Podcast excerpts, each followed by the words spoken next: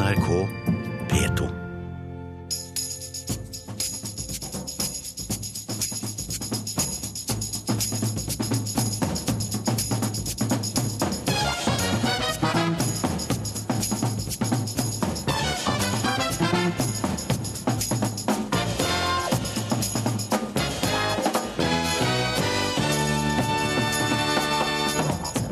Når serien Innafor viser fram såkalte perfekte kjønnslepper, gjør de unge mennesker usikre, sier Linnea Myhre.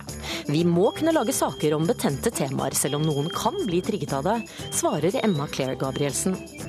Og søppelkontrakter er god butikk, men av og til blir det skandale. Vi skal ut og tømme søpla i Oslo, og snuse litt på hva det er som stinker. Å, tenk om jeg kunne få adgang til søpla ikke sant, i Oslo. Da, skulle, da blir det fete dager. Norge har fått en ny Michelin-stjerne. Men vi skal snakke om de restaurantene kritikerne mener ligger lysår unna de høythengende stjernene. Velkommen til ukeslutt. Jeg heter Åsa Vartdal. Og hvis du er lei deg for at du nå kan bli vikenværing i stedet for østfolding, innlending i stedet for hedmarking eller trønder i stedet for nordlending, det blir fylker og følelser senere i sendingen. Men eh, vi starter innafor. Nå skal jeg også få kjenne på hvordan det er å legge seg i stolen, spre bena og bli vurdert. Du, er jo ikke, du er ikke noe spesielt stor. Jeg tror at i veldig liten grad at når du står rett opp og ned, at du ser Altså du får kjønnslepper som ramler utenfor, for å si det sånn, at de syns i noen nevneverdig grad. Her hørte vi programleder Emma Claire Gabrielsen, som i dokumentarserien Innafor her på NRK lar seg undersøke av en plastikkirurg for å få vurdert sitt eget underliv. Flere og flere legger seg nemlig under kniven for å få perfekte kjønnslepper, hva nå enn det måtte være. Serien tar også for seg såkalt sugardating via et nettsted som legger til rette for at eldre menn kan få treffe unge kvinner. Og Linnea Myhre, du er forfatter og blogger. I Morgenbladet så skriver du at innafor og NRK her lærer unge å bli enda mer usikre på seg selv. Eh, På hvilken måte gjør de det? Em, For det første så må jeg jo bare si at jeg syns Innenfor er en kjempefin serie, og viktig, eh, med masse viktige tema som vi må snakke om. Men jeg føler at det kanskje burde vært lagt fram på en litt annen måte, eh, med bare liksom på detaljnivå. At vi kanskje burde ha unngått og, og vist fram eh, det som da er den såkalte idea- idealvulvaen, f.eks. Som gjør det veldig veldig lett for unge spesielt, men også eldre, har jeg oppdaga, å sammenligne seg og føle seg altså, unormal. Eh, Og som da også gjør terskelen veldig mye lavere for å, å legge seg sjøl under kniven. Eh, Også med, med dette med, her med sugardating, liksom, og sånn at liksom Å oppgi ganske sånn konkrete oppskrifter til hvordan du skal gå fram da, for å, å bli en såkalt sugar baby um, og gi nettadresse og sånn. um, at det kan være uheldig. og Det ser man jo også nå på at den økninga både liksom intimkirurgi har hatt, uh, og disse nettstedene som, som har vært nevnt i dokumentarserien. Det syns jeg kanskje burde vært uh, tenkt litt på, for, på forhånd. Eh, eller mer tenkt på på forhånd. Emma Claire Gabrielsen, du er programleder i Innafor, og du er med på Skype fra Mexico. Jeg regner jo ikke med at det var intensjonen å gjøre unge mer usikre. Hvordan opplever du at Linnea Myhre mener det er nettopp det dere har oppnådd her? Nei, altså vi, vi var jo selvfølgelig forberedt på at det kom til å altså Når man tar tak i kontroversielle fenomener som vi har gjort med serien, så vil det uansett en, være en risiko for en slags smitteeffekt. Da. At noen vil bli inspirert til å prøve det. Eh, Selv om jeg mener at vi på ingen måte oppfordrer unge til å gjøre noen av disse tingene her. Men det er noe som er veldig vanskelig å unngå når man tar tak i den type tematikk. For jeg mener at bare det å skulle liksom unngå et par detaljer, jeg tror ikke det hadde hjulpet altså, Noen vil uansett bli inspirert eller trigget eller føle seg usikker. Og det er helt umulig å lage en hel serie og tilpasse en hel serie så mye at ingen i hele verden blir usikre eller påvirket eller krenket. Men helt sånn konkret, da, for jeg tenker jo da at hva hadde dere tapt på liksom ikke f.eks. vise eh, da nettstedet hva det heter for noe? Eh, hadde det blitt en dårligere Altså, sugar, da- Sugar dating-episoden, mener du? Ja. Altså, det hadde jo ikke blitt en altså, dårligere altså, episode av, av, den grunn. At det hadde liksom blitt sledda eller hva det er for noe. Jeg mener på ingen måte at vi skal drive og sensurere, men jeg bare føler at det kanskje ikke er nødvendig å ha med. da, Fordi at det er så lett, det blir så innmari lett tilgjengelig og senker terskelen så innmari mye for dem som sitter og kanskje aldri har tenkt Men, på at det var fristende. Ja, den ja. tematikken her er jo umulig å ta i. Altså, du, kan si, du, kan ikke si ordet intimkirurgi uten at noen blir sånn Hæ, det har jeg aldri hørt om før. Går det an å operere seg nedentil? Hvorfor gjør man det? Og, men, hadde dere, men, men, hadde dere tenkt å, trengt å vise frem såkalte, de såkalte perfekte kjønnsleppene? Altså, Kunne dere nevnt det uten å vise det, det fram? Ok, altså Det at jeg viser fram en uhøytidelig internett-vulva-skjønnhetskonkurranse, der folk har stemt fram det de mener er et, liksom, det underlivet de vil ha som modell for et sexleketøy, er, altså, Men da viser jeg, jeg dere jo fram hva som er fint ved hva som er stygt. Og veldig mange vil jo, eller alle vil jo da tenke på sitt eget kjønnsorgan for kvinner. Eh, og noen vil jo synes det er kjipere enn andre, selvfølgelig. Altså, det, er jo, det blir veldig lett å, å Men det, det er jo implisitt. Man, man, skjønner jo hva, hva, inngrepet går ut på. Når, altså, det er kjønnsleppereduksjon. Det sier seg selv hva Da sier det seg selv at det er et slags ideal altså Uansett hvor sjuk det måtte være. da. Ja, jeg må spørre mye om Det For det er jo litt sånn at det, det, er jo lett å google seg fram til det uansett. Ja. Sånn at det, det, er jo ikke noe nytt fenomen for, for, unge jenter. Det er sannsynligvis et nyere fenomen for oss som er over 40. Eh, Ville de ikke uansett kunne gå inn på nettet og bare finne frem dette på egen hånd? Det kan du absolutt, eh, og det gjør folk. Eh, men jeg tror nok at terskelen er veldig mye eh, høyere hvis man unngår å da ha helt konkrete eh, altså oppskrifter på hvor man skal gå og hva man skal oppsøke. Det er ikke mer enn et halvt år siden jeg sjøl satt og søkte på den perfekte idealvaginaen fordi at jeg hadde lest en eller annen nattsak. Jeg kunne ikke finne det. Det tok meg i hvert fall veldig lang tid å skulle finne noe, noen som sa at det fins ikke, liksom. Um, så, um, så jeg føler at at man, man, gir, eh, man, gjør det veldig lett for folk å ta dumme valg da, eh, ved å oppsøke Eh, lignende ja, klinikker og nettsider på den måten også. Mm.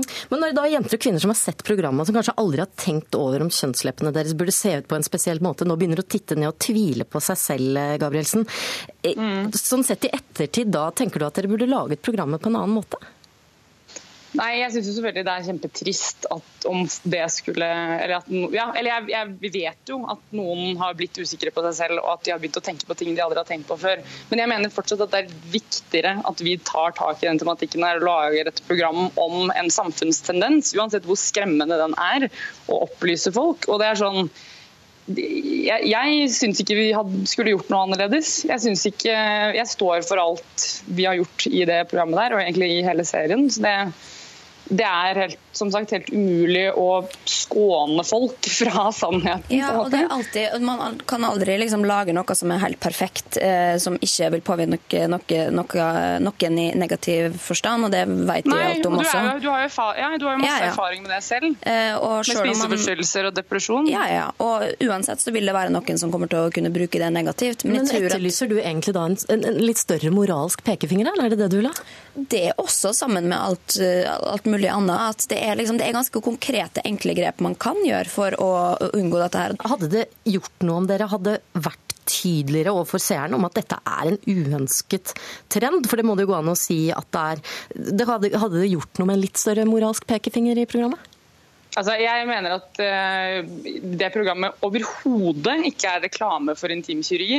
Men det at jeg går inn i det og er åpen og ikke-moraliserende, og er helt ærlig om at jeg selv blir påvirket og usikker av det faktum at inngrepet i det hele tatt fins, eller at det er et tilbud der ute, jeg mener at det er mye mer sånn uh, Altså, jeg mener at Det er en større, mer preventiv effekt at jeg går inn i dette her og snakker om at jeg selv er usikker, og, men også viser respekt og forståelse for jenter som vurderer dette her og har helt enorme underlivskomplekser. For det er jo ikke sånn at det, det, ingen har slitt med komplekser før vi lagde dette programmet. Vi, jo, vi lagde jo det er jo kjempe for at folk med kjempestore komplekser eh, skal få lov å fikse på det, hvis det gjør livskvaliteten deres bedre. Det er jeg helt for.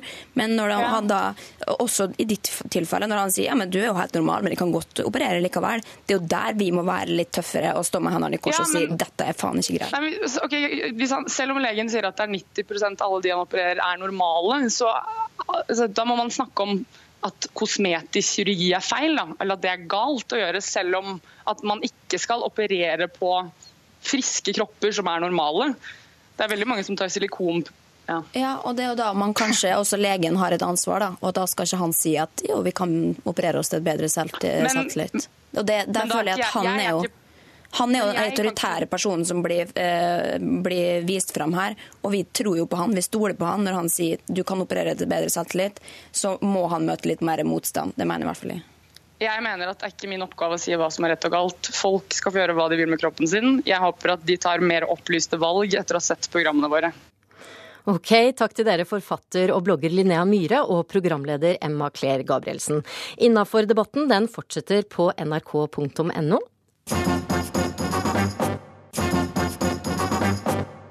Etter titusenvis av klager, hundrevis av brudd på arbeidsmiljøloven og nesten fem måneder med søppelkaos i Oslo, var det denne uken slutt for avfallsselskapet Veireno. Oslo kommune tar nå over ansatte og søppelbiler. Men hva er det egentlig med søppelbransjen som gjør at by etter by går gjennom søppelkriser? Ukesluttsreporter Sigurd Øygarden Fleten hoppet på søppelbilen i hovedstaden. På driftsstasjonen til det som inntil nylig var Veireno, på Alnabru i Oslo, vrimler det av folk med oransje klær. Søppelbilene fra morgenskiftet er på vei inn og steller seg på rekke og rad på parkeringsplassen. Klokka er snart to, og kveldsskiftet skal ta over. Snøen har blitt til sørpe i løpet av dagen, så det er ikke perfekte forhold for søppeltømming men folk virker i veldig godt humør.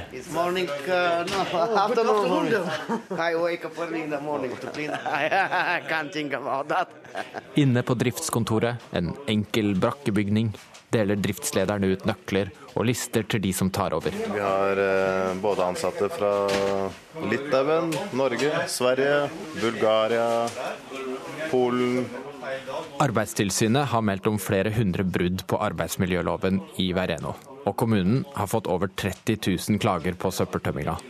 Til slutt gikk Veireno i grøfta, og denne uka ble selskapet slått konkurs. Et lite, uerfarent selskap fikk ansvaret for hele avfallshåndteringen i Oslo.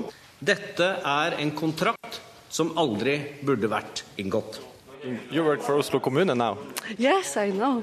Anna Baiko er eneste kvinnelige renovatør av alle i selskapet. In the beginning, everybody learn. So uh, for new chauffeur, all the time in the beginning is difficult. Yeah. Uh, and uh, you, you must know the system, you must know the beans, the roads and everything. Hun mener de travle tidene for Vereno skyldtes at det var mange nye folk som trengte opplæring. Anna kjører søppelbil alene. Hun sier det er ganske tøft. Men hun gir ikke opp. And I am woman, so I'm not that strong. But I don't give up, so it's nice. It's og her er det vanlig søppel. Akkurat, der ser du det er en gammel pysjamasbukse som ligger akkurat nå. Den, den har gjort, den har gjort nytta si. Så det er den som ligger i bånn her nå, etter at de tømte i går. Forfatter og journalist Truls Øra har bodd i Napoli, som har hatt søppelkrise i mange år. Og luktende, ikke sant, og råtne og bikkjene. Eh, også selvfølgelig da de aller fattigste som går og roter i det for å få seg det de trenger. Altså det, det er tredje verden. Der tjener mafiaen grovt på søppelkontrakter. Og søppelet har i perioder rent over i gatene. Eh, nettopp fordi det er så mye penger i det, så, så er dette blitt en, eh, en fin måte å hvitvaske penger på. Oslo er altså ikke den første byen med søppelkrise. Hva er det egentlig med søppelbransjen? Nei, det er fordi at dette er en sikker det er en sikker geskjeft. For dritten vår den må vi ta hånd om hver eneste dag, for vi liker å ha det pent rundt oss. Alle som kan få kloa i akkurat den jobben, de, de, de jobber litt for det. altså. Øra understreker at Veireno ikke har noe med mafia å gjøre. Og det er heller ikke påvist noen form for korrupsjon. Du kan si at Sammenhengen ligger i at dette er lagt ut på anbud til folk som spekulerer i det som næring og de lager da anbud som ikke holder vann. Så er det blitt også en, nesten en slags kamp om å komme til kjøttbeinet for å få kjøtttak i kjøttbeinet. Å, tenk om jeg kunne få adgang til søpla ikke sant, i Oslo. Da det, da blir det fete dager. Da blir det hyttehist og hyttepist og stor bil. Og det som er perspektivet, er at hvis ikke vi tar tak i dette sånn som vi må nå, så vil vi være en Roma eller Napoli om, om 10-15 år.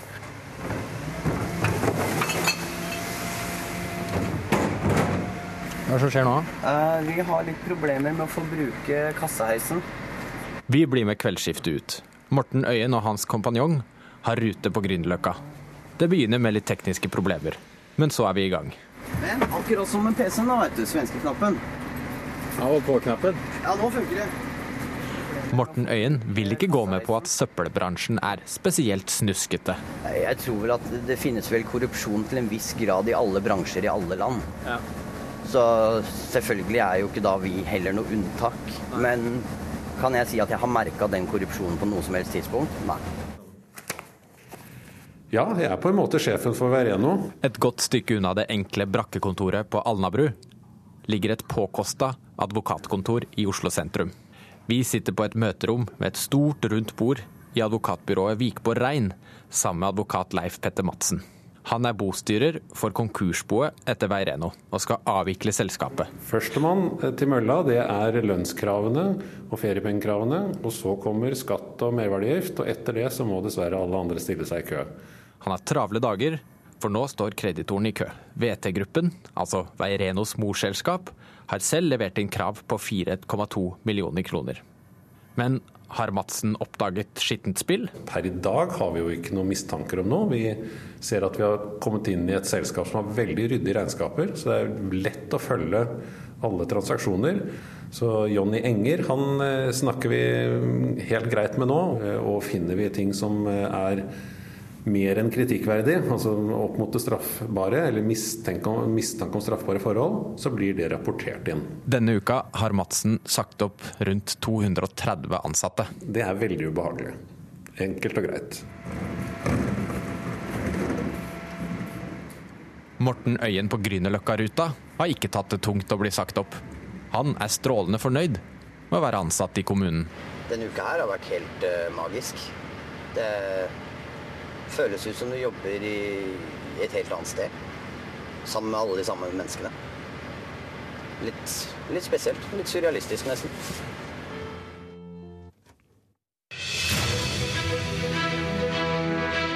Please welcome on stage the chef Roger Asakil Joya from the restaurant Sabi Omakase from Stavanger, Norway. Hva er viktig for deg når du skal ut på restaurant? Eh, egentlig lokale, at det skal være veldig hyggelig. Eh, men selvfølgelig at det skal være gode, gode råvarer, egentlig. Uten at det egentlig vet så mye om det heller, men det at bare smaken er god. At det er tiltalende. Parkeringsplass for bilen, god plass for hele familien i restauranten. Og stemningen. God service. God service hjelper hvor mye som helst. Det kan redde en, en dårlig måltid, liksom, eller en helt OK måltid. Mat, service, tilgjengelighet. Sånn sjekker du ut hva slags kritikk restauranten du skal på har fått før du velger restaurant? Helt klart. Men det kommer helt an på dagsformen. da. Om det er spontant eller om du har planlagt å gå ut og spise. Det kommer an på hva jeg skal spise, eller hva slags anledning det er. Hvis jeg skal ut og spise en god middag med kjæresten, da kan det hende at jeg sjekker ut på forhånd. Congratulations, chef. Kokkene sikler etter dem, mister nattesøvnen over dem og driver de ansatte knallhardt for å få dem. Denne uken fikk sushirestauranten Sabi Omakase i Stavanger en høythengende Michelin-stjerne. Og dermed har Norge nå fem restauranter med stjerner. Men er det egentlig der folk helst spiser? Vi skal til den andre enden av skalaen, til det noen mener er Norges dårligste restauranter. Og Anja Seberg Ljåen, du er redaktør av matmagasinet Nord. Da jeg spurte deg om hvilke restauranter det var, så var det særlig ett navn du trakk fram ganske kjapt. Jeg tok frem, jeg frem biffsnaddere på Egon. Eh, jeg har skrevet om det før, eh, i forbindelse med en artikkel hvor eh, fru K på Aker Brygge ble skjelt ut, eller på Tjuvholmen ble skjelt ut for prisene per rett. Og da jeg regnet ut prisene per rett der, så ble det ned på 165 kroner Eh, Riktignok ganget med fem i akkurat den historien. Men da jeg begynte å sjekke priser litt rundt omkring, så var det plutselig 220-286 nå kroner for biffsnadder på Egon. Og tenker da, da blir det litt feil. Dan Robert Halsam, du er daglig leder og en av eierne av restaurantkjeden Egon. Eh, ligger du våken om natten og lurer på hvordan Egon skal få en stjerne i Michelin-guiden? Nei, på ingen måte. På ingen måte. Du, det er plass til alle i vår bransje, eh, og våre bransjekollegaer som går etter de stjernene. Eh, dem berømmer vi for den, den kunnskap og erfaring og, og, det engasjementet som de bringer inn i bransjen. Eh, for de spesielle anledningene. Eh, at også våre gjester kan besøke de restaurantene. Fantastisk bra. Mm. Men, men, når jeg googler da Egon og anmeldelse, så er det ikke veldig oppløftende. Det står langt fra helmaks-Egon, helsvart Egon, påtatt hjemmekoselig, masseprodusert, dyrt og fullstendig smakløst. Når dere plasseres i den enden av skalaen og får den type tilbakemeldinger, hva gjør dere da for å forbedre dere? Det går selvfølgelig alltid inn på oss at vi får denne type anmeldelser. Helt klart, det er sårende. Eh, og svært ofte så er det også på litt sånn feilaktig grunnlag og feil info. Hvorfor det? De ulike matanmelderne, eh, uten at jeg skal jeg på ingen, ingen måte lyst til å henge ut noe, men vi kommer aldri til å få en sekser. Eh, det gjør vi ikke. Men bør dere ikke streve etter det, dere også? Det er veldig mange som spiser hos dere. Vi er en all day casual dining. Det er en folkelig restaurant med, med, med god, enkel mat. Si, hvis en dag én at den matanmelderen da er på en ja, uten å nevne navn, men er på en type Michelin-stjernerestaurant, gjerne med hvit duk, og det står både to, og tre og fire kelnere rundt deg. Og dag nummer to så er han hos oss. Naturligvis er det et sprang der. Du hører det, altså, det er dette folk vil ha, uansett om de får dårlige anmeldelser. Vil det si at folk har dårlig smak, da? Eh, folk har vel lært hva, som, hva, de tror er biff, og hva de tror er fisk, og hva de tror er taco og pizza. Jeg eh, satt og telte litt i går, eh, skulle forsøke å gjøre hjemmeleksen min, og opplevde at da jeg var kommet til 90 retter på Egon, så var jeg fremdeles ikke ferdig, for da var det desserter, kaffespesialiteter og vin og øl og alt det andre igjen. De er et kjempeutvalg. For Ola Nordmann så er det på en måte er det deilig, fordi da kan man, alle kan få hva de vil i et selskap. Kjempefint. Men jeg setter meg spørsmålet med stoltheten til kokkene som står i kjøkkenet. De så energiske og glade ut, de som jeg så. Eh, hadde det hyggelig i kjøkkenet og sånn, men de står og skal være kjempegode på 90 retter. Eh, siterer den eh, ganske kjente Eivind Hellstrøm, som sier man kan ikke være så god på så mange retter. Det må du svare på. Med det volumet som vi har, eh, en gjennomsnittlig restaurant hos oss omsetter for 40 millioner. Vi omsetter i år for 1,6 milliarder. Vi, ingen av oss er opptatt av de store tallene. Men når dere tjener så mye, kunne dere puttet litt mer inn i kvaliteten på maten dere serverer? Kjøttet som du får hos oss, er ofte mye av det samme type kjøtt som du får hos eh, de såkalte stjernerestaurantene. Det kommer fra akkurat samme leverandør. Du må ikke spytte ut ordet stjernerestaurant, da, og snakke om det som bare steder med lange duker og eh, fancy servering og avstandstagen til, eh, til de som sitter der. Men likevel, har disse restaurantene noe å lære av Egon? Fordi eh, ja. mange, av de, mange, av de, overlever jo ikke. De har jo noe å lære når det gjelder altså, Hvis vi snakker om det som kalles børs og katedral, eh, så, er jo, så er jo Dan Robert børsen, og jeg er vel katedralen. Altså, han er flink til å tjene penger. Eh, og, og, jeg er litt for idealistisk kanskje på mange måter, og ser det som jeg gjerne vil løfte som er kvaliteten og stoltheten i yrket fra, alt, fra servering og potetskrellere til kokkene. Eh, og jeg føler at det ikke kan være den typen eh, stolthet verken hos dem eller respekt fra matgjestene, spisegjestene, overfor disse hardtarbeidende folkene når de står og pusher det samme eh, hele tiden dag ut og dag inn, og ikke har tid i det hele tatt til å sitte og jobbe med, med maten de serverer. Dette er dessverre en myte eh, som har levd i mange, mange år.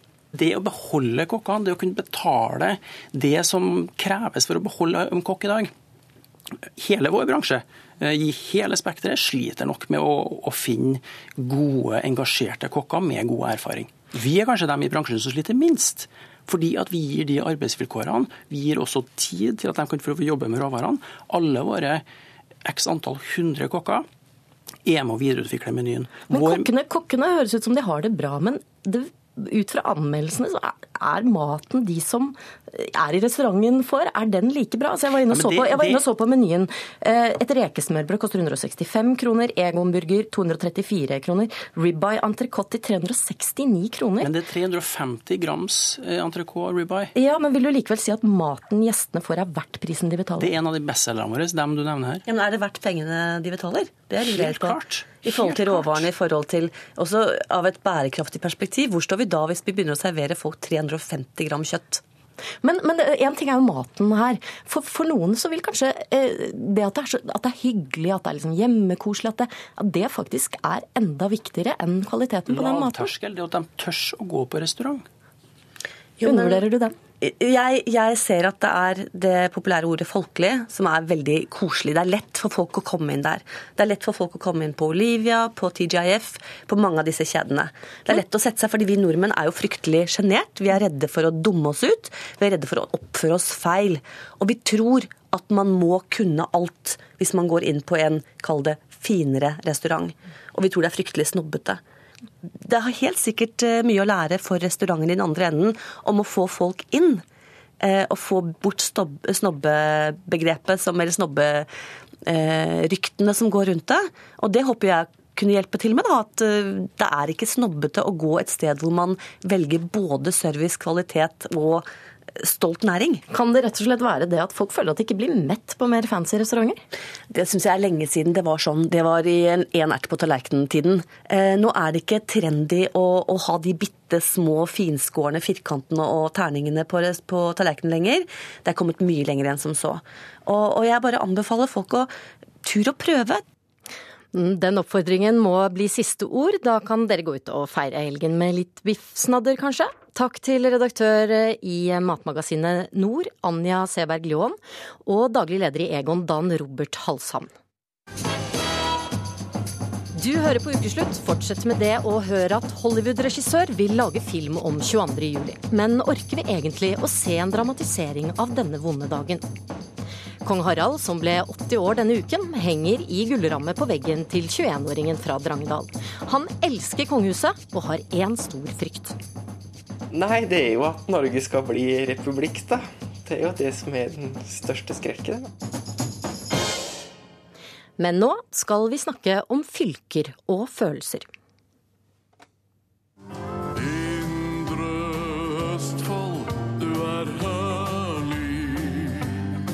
Gikk du også inn i denne helga med ekstra varme tanker om fylket ditt? Er du kanskje lei deg for at det snart forsvinner? Denne uka ble det klart at de fire samarbeidspartiene i regjeringen vil skrote dagens fylkesinndeling og heller ha ti regioner. På gata i Fredrikstad hersker det full forvirring. Viken? Hva er det for noe? Viken, er det musikkorps? Eh, jeg liker musikken hans, han er flink han. Å ja, Viken. eh, Sammenslåingen, ja. Region Viken, ja. Den skal bestå av fylkene Akershus, Buskerud og Østfold. Folk i fjellbygda Ål i Buskerud tilhører nå samme region som Raimond i Østfold. Halla, Reinert. Hallo, Raimond. Vestfold og Telemark slås også sammen. Men ikke alle i Drangedal i Telemark Nei, nå skal vi Johanne. Spretter champagnen av den grunn. Nei, jeg, ble litt sånn usikker i går da jeg plutselig så at det da tyda på at det blir reelt at vi blir sammen med Vestfold. Jeg likte jo ikke. Hedmark og Oppland slås sammen til en stor innlandsregion.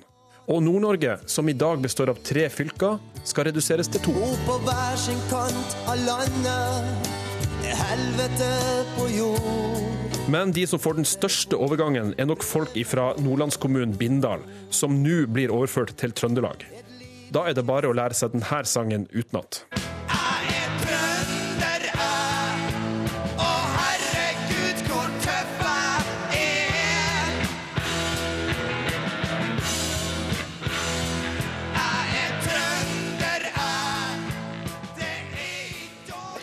Lisbeth Berg-Hansen, du er tidligere fiskeriminister for Arbeiderpartiet, stortingsrepresentant og bindaling, selvfølgelig. Har du begynt å pugge, pugge denne teksten? Ja, nå er vel jeg en av de bindalingene som antagelig sang den der låta mest. De blodfan av Åge som jeg er. Så med mange konserter hvert år så synger jeg mye Åge-sanger. Men du la altså et bilde ut av deg selv eh, i bunad på, på, Facebook denne uken, etter at du hadde fått vite om sammenslåingen, og du skrev 'måtte vise nordlandsbunaden i dag' med et lite hjerte bak. Det burde kanskje vært et knust hjerte? Ja, nå har vi nå ikke knust uh, håpet om at det her ikke skal bli gjennomført uansett, men uh, ja, jeg la ut det bunadsbildet. og har fått utrolig mye likes på det og mange tilbakemeldinger. Uh, Bunaden er jo et, uh, et sterkt virkemiddel for å vise sin identitet. og for meg er jeg er veldig glad i bunaden min. Da jeg ble konfirmert, så har ikke foreldrene mine råd til å kjøpe bunad, men når jeg først fikk den, så er jeg veldig veldig glad i den. Har brukt den masse inn- og utland. Og den viser min identitet og det her med tilhørighet, og det er sterke følelser knytta til det. Margunn Ebbesen, du er stortingsrepresentant for eh, Høyre, også fra Nordland. Du syns denne trønder, trønderfiseringen av bindalingene er en super idé. Undervurderer du da identitetsfølelsen til folk? Hva det betyr for dem eh, da i Bindal og eh, Berg-Hansen å kunne kalle seg nordlending? Nei, vet du, jeg har stor forståelse for den følelsen man har i forhold til sin identitet. Så det må man ha veldig stor respekt for.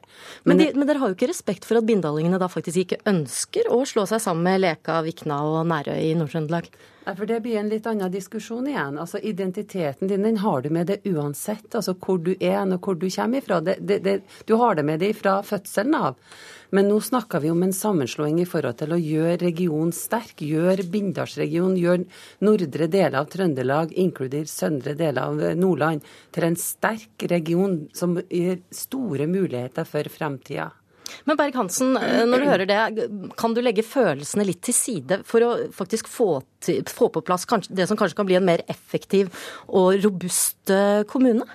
Ja, jeg kan absolutt legge følelsen til side, men, men, når det da kommer til fakta, så blir det fort følelser med inn i det bildet. Og nå har altså Margunn Ebbesen, som er ombudsmann, eller kvinne, for bindalingene, og en mulighet da, til å fortelle oss hva som skal bli så bra med å både tvangssammenslå og tvangsflytte oss til Trøndelag. Folk er bekymra, rett og slett fordi at eh, vi har veldig god velferdstilbud som vi har. Vi har en ambulansetjeneste som redder liv. Eh, bare i min familie så har vi nå to ganger, senest sist natt til mandag, opplevd at ambulansen er veldig veldig viktig for oss. Eh, alle bindalingene opplever det. Vi vet hva vi har. Eh, vi er redd for framtida. Det er altså et kommunestyre som to ganger har fatta enstemmig vedtak om at vi vil fortsatt være egen kommune, og vi vil fortsatt være nordlendinger. Så Margunn Ebbesen, nå har du sjansen. Fortell bindalingene hva som skal bli så bra med at vi skal tvangsflyttes sørover. Kom igjen.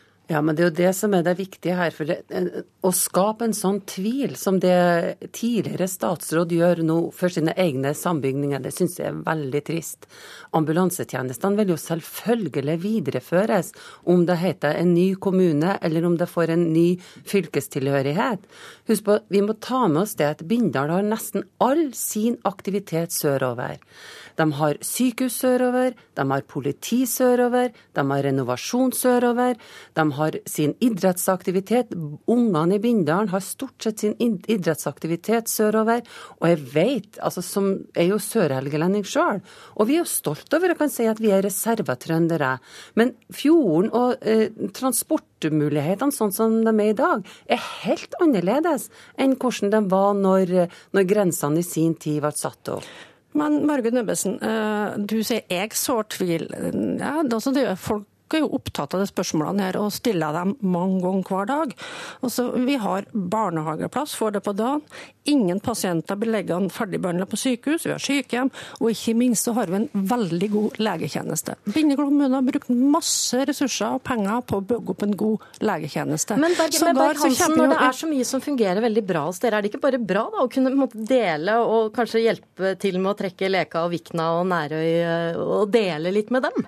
Altså, poenget er at vi er bindalinger, og vi har prioritert sånn som vi har gjort. Og som jeg sier, Det er et kommunestyre, to enstemmige vedtak. Det er ikke tvil om hva som er eh, viljen i Bindal knytta til tilhørighet. Og, og, ja, vi har funnet veldig mye praktiske løsninger som grensekommune. Det kommer vi til å fortsette å gjøre. Og når Margunn begynner å snakke om en fjord, ja kjære vene, det er vel fjorder og fergestrekninger og hurtigbåter. Hele Nordland er jo full av det. Men, men, men blir ikke tvangssammenslått Ja, for næringslivet. Nå er jeg kjempespent. Ja, Lisbeth, altså jeg leste jo sjøl i Namdalsavisa her på torsdagen. altså Næringslivet ønsker jo en sammenslåing og få en mer slagkraftig kommune. Altså Det viktigste må jo være at man jobber i lag, og at man bruker ressursene på det som kan skape vekst. Ja, Husk på at over, over, de fleste kommunene i Nordland har nedgang i folketallet. Vi holder på med etter det samme mønsteret som vi har gjort i mange, mange, mange år. Og vi klarer ikke å tiltrekke oss folk. Vi klarer ikke jobbs for, med det som er det viktigste. Legg til rette for næringsutvikling, sånn at vi får både aktører og folk til å komme flyttende til kommunene våre. Men du er jo også selv fra, fra Brønnøy, en kommune som ikke er så langt fra Bindal. Hva hvis dere hadde blitt slått sammen med Trøndelag, du hadde blitt trønder plutselig? Hadde ikke det betydd noe som helst for deg? Altså, jeg tror vi må, Spesielt når jeg er sentralpolitiker, så må jeg tenke fremtida. Jeg må tenke fremover. Jeg har full forståelse for at bindalingene i dag har en følelse og en tilhørighet til Nordland, men vi skal tenke fremover. Nå har vi brukt 50 år. Vi har ikke blitt flere innbyggere innbyggere verken i Bindal eller i Nordland. Da må vi prøve å tegne et eh, kart som er for fremtida. Og klart, er nordlending i dag, om jeg er trønder om noen år, så tror jeg nok jeg skal overleve for det. Men programleder, si Margunn Ebbesen bruker næringslivet som argument. Det skal bli så bra for næringslivet. Nå har det sånn at jeg er da en ganske aktiv eh, deltaker i næringslivet i Bindalen. Og I et tidligere debattprogram så brukte oppdrettsnæringa som eksempel på hvor bra det her skulle bli. Ja, vi driver oppdrett i Vikna, i Nærøy eh, og i Bindalen. Faktisk i Brønnøy og Herøy òg. Men og det gjør vi jo til tross for det her såkalte problemene med kommunegrensene. Eh. Da må jeg bare få spørre deg, bare få spørre deg helt til slutt. Kommer du til å vurdere å anskaffe deg en trønderbunad nå? En Nord-Trøndelag-bunad? Nei, det er det ikke. Men jeg har lyst til å arrestere når Margunn Ebbesen bruker næringslivet som argument. altså Eh, Jakkellen, som Morten Jakkellen, som tidligere leder må, vet, hva, vet du hva, Lisbeth Berg-Hansen, denne debatten kommer til å koke i månedene fremover. Vi må avslutte der. Arbeiderpartiet og Senterpartiet vil altså reversere kommune- og regionreformen hvis de vinner valget til høsten. Takk til dere, Lisbeth Berg-Hansen fra Arbeiderpartiet og Høyres Margunn Ebbesen.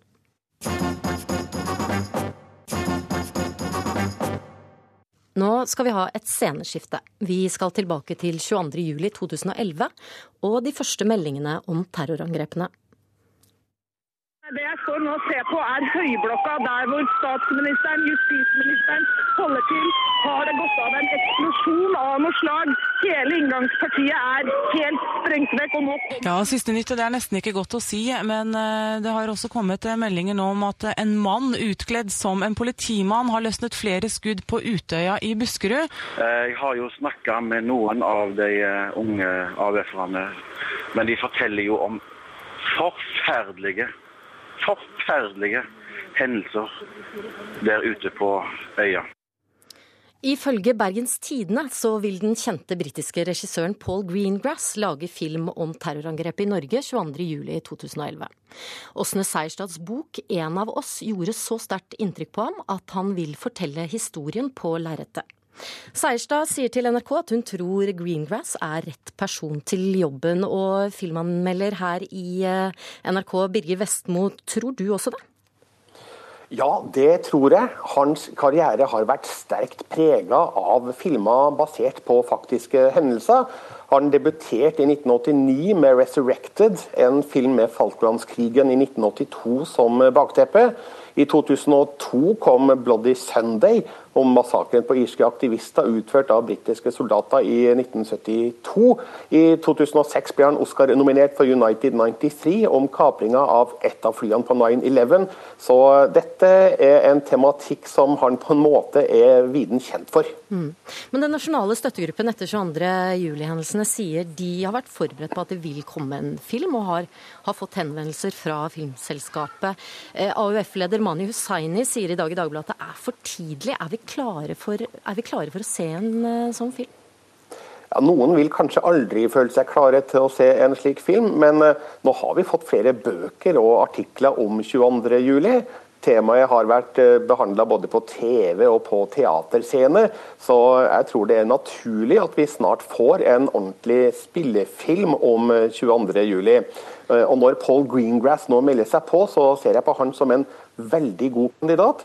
Han har de kvalitetene som trengs for å lage en film om 22.07 som både er sannferdig og respektfull. Og i tillegg vil han kanskje være i stand til å fortelle historien med et overblikk fra en ja, skal vi si da, utenlandsk synsvinkel, som vi nordmenn kanskje ikke kan.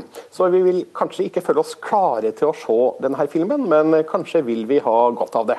Men hvordan bør han gå fram? Altså, boken til Åsne Seierstad er veldig god, men også veldig opprørende. Hvordan bør han gå fram for å lage den sånn at han ikke skal trå feil i forhold til overlevende og pårørende da spesielt, kanskje? Han må snakke med dem, og kommentarene han ga til Bergens Tidende i går, tyder på at det er akkurat det han vil. Jeg håper og tror at han ikke har ambisjoner om å lage det her for underholdningens skyld, men lage en film som både forklarer hvordan dette kunne skje, og hvordan Norge som nasjon reagerte på det etterpå. Eh, bombeangrepet i Oslo og massakren på Utøya er nødt til å være en del av det. og Det kommer til å bli vanskelig å se, men jeg håper Greengrass viser samme filmatiske teft som i sine tidligere filmer, og ikke gjør det her til et spekulativt voldssirkus. Mm. Og Regissør Greengrass han kommer altså til Norge om noen uker for å diskutere en eventuell film. Takk til deg, filmanmelder, filmanmelder Birger Vestmo.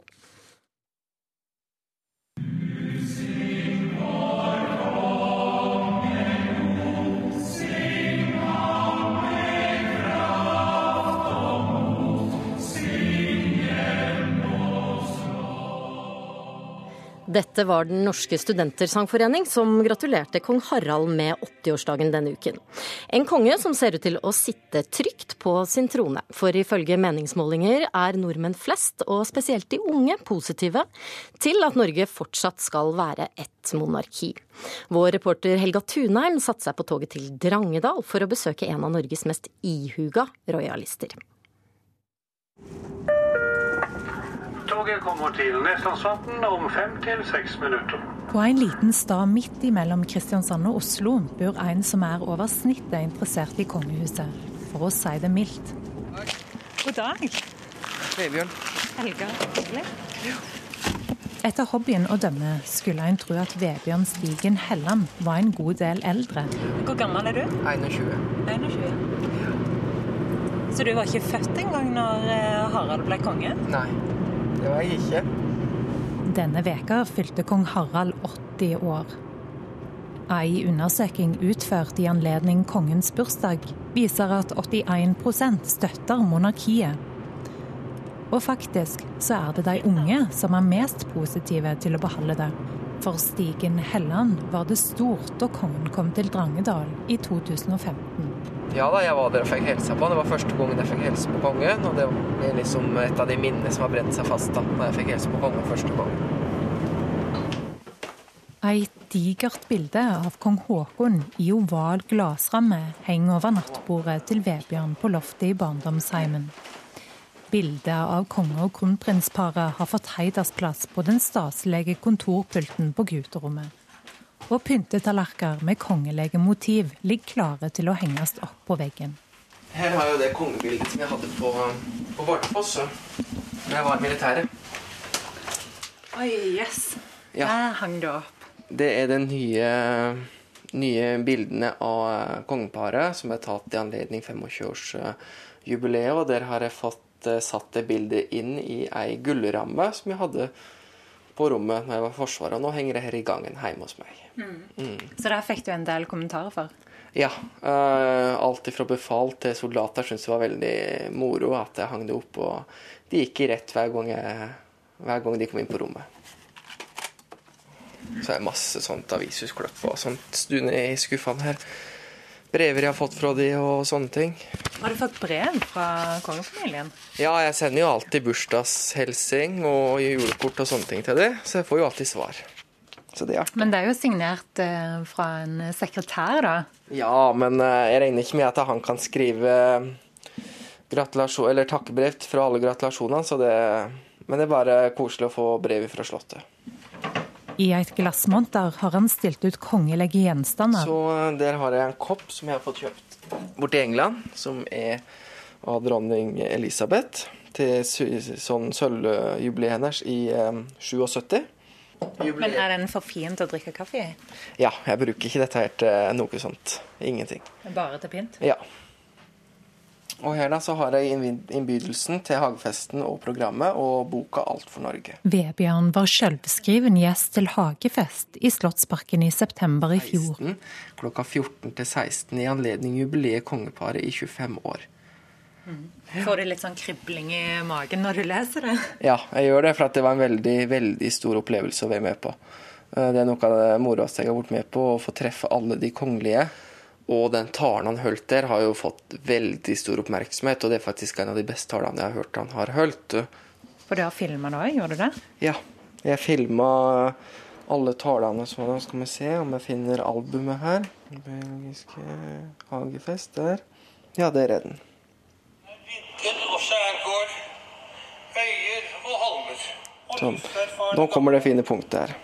Nordmenn er jenter som er glad i jenter, gutter som er glad i gutter, og jenter og gutter som er glad i hverandre. Det stemmer jo veldig bra. Blir du lettere? rørt? Ja, jeg blir jo det. Eh, det er lite stund siden jeg har sett det klippet sjøl. Men eh, ja, jeg får nesten eh, frysninger av å tenke på det. Tilbake på den dagen. Ifølge undersøkelser er det noen få, ca. 15% som vil ha en annen styreform enn monarkiet.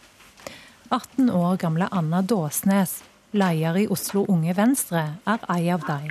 Eh, jeg mener at eh, man bør erstatte kongehuset med en republikk. Hvorfor det? Det er sånn at I Norge så skal alle ha like muligheter til å lykkes, og alle mennesker er like mye verdt. Eh, og da kan man ikke ha det slik at offentlige posisjoner går i arv. Men dette preller av som vannet på gåsa hos Vebjørn Stigen Helland. Kong Harald og kongeparet og resten av kongefamilien er et veldig sånn eh, ankerpunkt da, for Norge. De gjør mye bra for Norge og viser seg eh, offentlig når det skjer katastrofer, sånn som Utøya. Eh, naturkatastrofer så møter de opp og er folkelige, og det tror jeg er veldig bra. Det hadde jo ikke blitt det samme å sett Erna Solberg eller Jonas Gahr Støre sto opp på Slottsbalkongen og vinke til 17. mai-toget på 17. mai. Det hadde ikke blitt det samme. Det var det vi hadde i Ukeslutt. Ansvarlig for sendingen Camilla Skarra. Teknisk ansvarlig Lisbeth Sellereite. Jeg heter Åsa Vartdal. Ha en fortsatt god helg.